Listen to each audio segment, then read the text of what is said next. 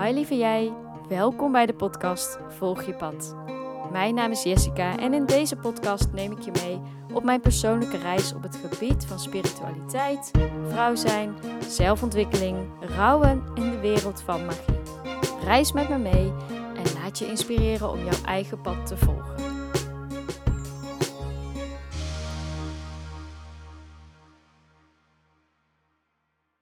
Ja, wat leuk dat je er bent bij mijn aller, aller, allereerste podcast Volg je pad. Wees welkom. Mijn naam is Jessica en elke maand ga ik jou meenemen op mijn pad. En uh, ik ga met jou uh, verschillende onderwerpen bespreken aan de hand van mijn persoonlijke verhalen en inzichten. En de allereerste podcast gaat over hoe ik mijn pad volg, maar soms ook niet. En dan uh, kun je misschien afvragen: wat is dan je pad? Wat is jouw eigen pad? Nou, um, hoe ik het zie, is jouw pad eigenlijk gewoon simpelweg het moment dat je geboren wordt tot het moment dat je doodgaat. Dus jouw hele leven, dat is jouw pad. En waar ga je dan naartoe? Ik geloof erin dat iedereen een bepaalde missie heeft. Dat iedereen een, bepaald doel heeft waarom hij of zij uh, op de wereld is gekomen. En voor mij is mijn missie, of mijn zielsmissie, hoe ik dat dan ook noem, is inspireren. Ik wil heel graag inspireren en dat doe ik aan de hand van, uh, nou ja, deze podcast. Uh, ik maak dingen, ik schilder, teken en ik schrijf. Dus dat zijn mijn manieren. Dat zijn vooral creatieve manieren. En hoe je je zielsmissie dus ook kan opsporen is na te gaan waar jouw talenten liggen. Want terwijl jij geboren wordt, heb jij verschillende talenten. En deze talenten, die, uh, ja, die heb je niet voor niks. Die zijn er om jou te helpen om jouw missie meer te leven. Maar daarover straks meer. Allereerst wil ik eventjes mijn eigen ervaring daarin delen. Want ik ben echt heel erg lang op zoek geweest naar mijn pad, naar mijn zielsmissie. Ik vroeg me altijd heel erg af, en soms nog steeds wel hoor, van wat doe ik nu hier en waarom leef ik? Wat kom ik hier brengen? Zodoende heb ik ook verschillende opleidingen gedaan en verschillende cursussen. Ja, verschillende hobby's. Echt van alles en nog wat heb ik geprobeerd. Omdat ik steeds maar voelde van ja, dit is het niet. Ja, op een gegeven moment is daar een verandering in gekomen. En dat is denk ik uh, een jaar of vier geleden. Heb ik besloten om vooral te doen waar ik energie van krijg. En vooral te doen wat ik leuk vind en waar ik blij van word. En ondanks dat ik die keuze heb gemaakt, is het me niet altijd gelukt. Want er zijn echt wel momenten in mijn leven en nog steeds, onlangs nog, dat ik bepaalde dingen doe waarvan ik eigenlijk wel heel goed voel en weet: dit is het niet en dit, dit zou ik niet moeten doen, maar het toch doe. En waarom doe ik dat dan toch? Nou, dat komt omdat mijn hoofd in de weg zit. En omdat mijn hoofd dan bepaalde redenen bedenkt waarom ik het wel zou moeten doen. Nou, een voorbeeld, en dit is een persoonlijk voorbeeld, is dat ik in loondienst was. Tijdens dat ik in loondienst was, merkte ik al aan mezelf van, nou, dit, dit is het gewoon niet helemaal. En ik voel hem niet helemaal. Op een gegeven moment werd ik ook steeds vermoeider en kwam ik thuis en was ik gewoon helemaal leeg en mijn energie was laag. Mijn creativiteit was gewoon compleet weg. Ja, dit heeft best wel een tijdje geduurd. Mijn lichaam zei heel uh, sterk van ja, dat ik daar gewoon mee moest stoppen. Ik werd zelfs een paar keer ziek, terwijl ik normaal gesproken helemaal ja, niet zo vaak ziek ben, maar in die tijd, de afgelopen tijd, ben ik echt wel een aantal keren echt ziek geweest. Dus dat is gewoon een heel erg duidelijk teken en dat weet ik wel. Maar ja, luister daar maar eens naar. Want waarom zou je een vaste baan, een vast inkomen, vastigheid, een zekerheid, tenminste, dat voelt dan als een zekerheid. Waarom zou je dat in één keer opgeven? Omdat je gevoel zegt dat je dat moet doen. Dat is best wel een hele moeilijke stap. Tenminste, ik vond dat wel een hele moeilijke stap. En ik heb daar ook best wel een tijdje over gedaan. Uiteindelijk heb ik wel uh, de knoop doorgehakt, heb ik mijn baan opgezegd en ben ik voor mezelf begonnen. Ondanks dat ik nog niet het salaris verdien wat ik uh, verdiende in loondienst, heb ik wel heel veel andere dingen teruggekregen. Namelijk de vrijheid om te doen en laten wat ik wil wanneer ik dat wil. Dat vind ik echt ontzettend belangrijk voor mij werkt het echt heel erg fijn als ik uh, zelf kan bepalen wanneer ik werk en wanneer ik rust neem. Dat heb ik ermee gewonnen. Creativiteit stroomt weer als een malle. Maar hoe weet je dan dat je bepaalde keuzes moet maken? Daar kan ik eigenlijk heel erg kort over zijn en dat is voelen. Je kan het heel erg goed voelen wanneer je op je pad zit en wanneer niet. Is het dan erg dat je niet op je pad zit? Uh, nee, in principe is dat niet erg. Het enige is, het gaat je niet verder helpen. Dus op het moment dat jij dingen doet waarvan je echt voelt van, nou, dit is gewoon niet voor mij, dit, hier word ik niet gelukkig van. Ja, je kan, het, je kan het gewoon een hele tijd volhouden, natuurlijk. Maar je gaat het uiteindelijk merken. Je wordt ziek, je krijgt klachten, uh, het stroomt allemaal niet meer. Je voelt je niet blij, je voelt je niet gelukkig, je energie is laag. Nou, noem allemaal maar op. En ik denk dat er stiekem wel heel veel mensen zijn die zo rondlopen, omdat ze denken, ja, maar het kan niet anders, weet je wel. Ik, ik moet wel werken en ik moet uh, bepaalde, uh, ja, ik moet vaste lasten betalen. Ik moet, uh, nou, zus en zo. Allemaal redenen die er ook echt wel reëel kunnen zijn. Maar het zijn wel redenen die je hoofd bedenkt en die niet in lijn zijn met wat je hart wil, met wat je verlangt. En het is een keus, dus geen oordeel daarover. Iedereen mag gewoon helemaal zelf weten wat je doet. Ik wil alleen maar gewoon zeggen van je gaat het merken aan jezelf. Hoe beter je in verbinding bent met jezelf en met je lichaam, hoe beter je dat kan voelen, hoe makkelijker het is om jouw pad te volgen. Wat jou gelukkig maakt, waar je blij van wordt. En hoe maak je dan verbinding met jezelf?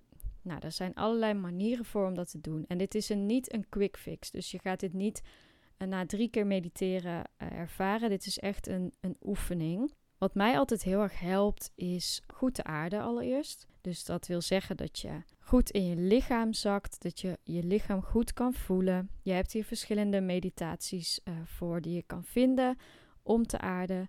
En uh, dat helpt gewoon heel erg om minder in je hoofd aanwezig te zijn. Dus om minder met je gedachten bezig te zijn. Maar echt in je lichaam te zakken. Zodat je connectie maakt met je lichaam. En daardoor ook beter kan voelen. Ja, een manier hiervoor is wat ik net al zei om te mediteren.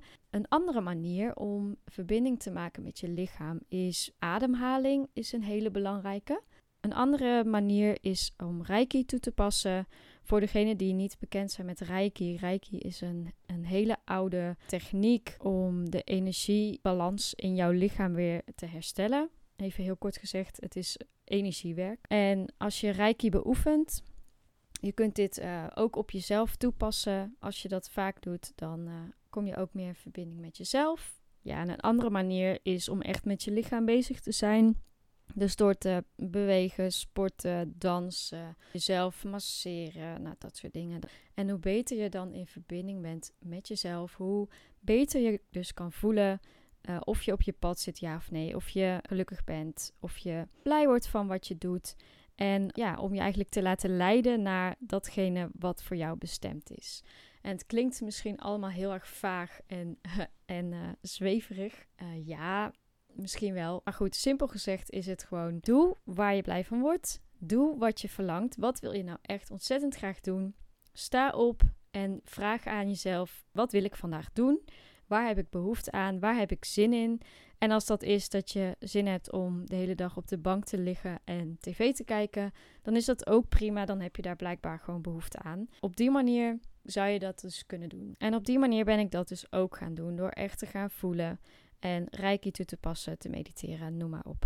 En dan nog kan het dus zijn dat je niet altijd op je pad zit. En dat is ook helemaal prima. Tegenslagen, die horen er ook bij. Zonder donker is er ook geen licht. Ik persoonlijk zie die tegenslagen ook als een kans om weer te groeien. Een, uh, een manier om op mijn pad te komen. En wat ik daar niet mee wil zeggen is dat je elke tegenslag meteen uh, moet gaan ombuigen naar iets positiefs. Uh, nee, tegenslagen, uh, verdrietige momenten, boze momenten, noem maar op, zijn allemaal emoties. En daar mag je ook echt de tijd voor nemen om die ook weer te doorvoelen, om ze vervolgens te transformeren. En dan wil ik nog één dingetje benoemen, wat jou ook kan helpen om op jouw pad terug te komen. En dat zijn je talenten. Want iedereen wordt geboren met bepaalde talenten. En deze talenten zullen jou helpen om ja, jouw zielsmissie te gaan leven, om jouw zijn te gaan leven. Ja, deze talenten die kunnen niet altijd heel zichtbaar zijn, want je wordt geboren met die talenten, je hebt ze altijd al. En voor jou is het gewoon vanzelfsprekend. Of tenminste, dat kan. Het kan zijn dat je daar niet eens bij stilstaat, dat er dingen zijn die je heel goed kan waar je goed in bent, wat je makkelijk afgaat en wat je waarschijnlijk ook heel leuk vindt. Wat je dan kan doen is ga daar eens bewust bij stilstaan en wellicht kun je mensen om je heen vragen: wat zijn nou talenten die je bij mij ziet? Ga op onderzoek uit. Ga kijken ja, wat jij eigenlijk van nature al doet. En als je daar bewuster van bent, dan kun je ze ook inzetten. Ga daar iets mee doen. Je hebt ze niet voor niks.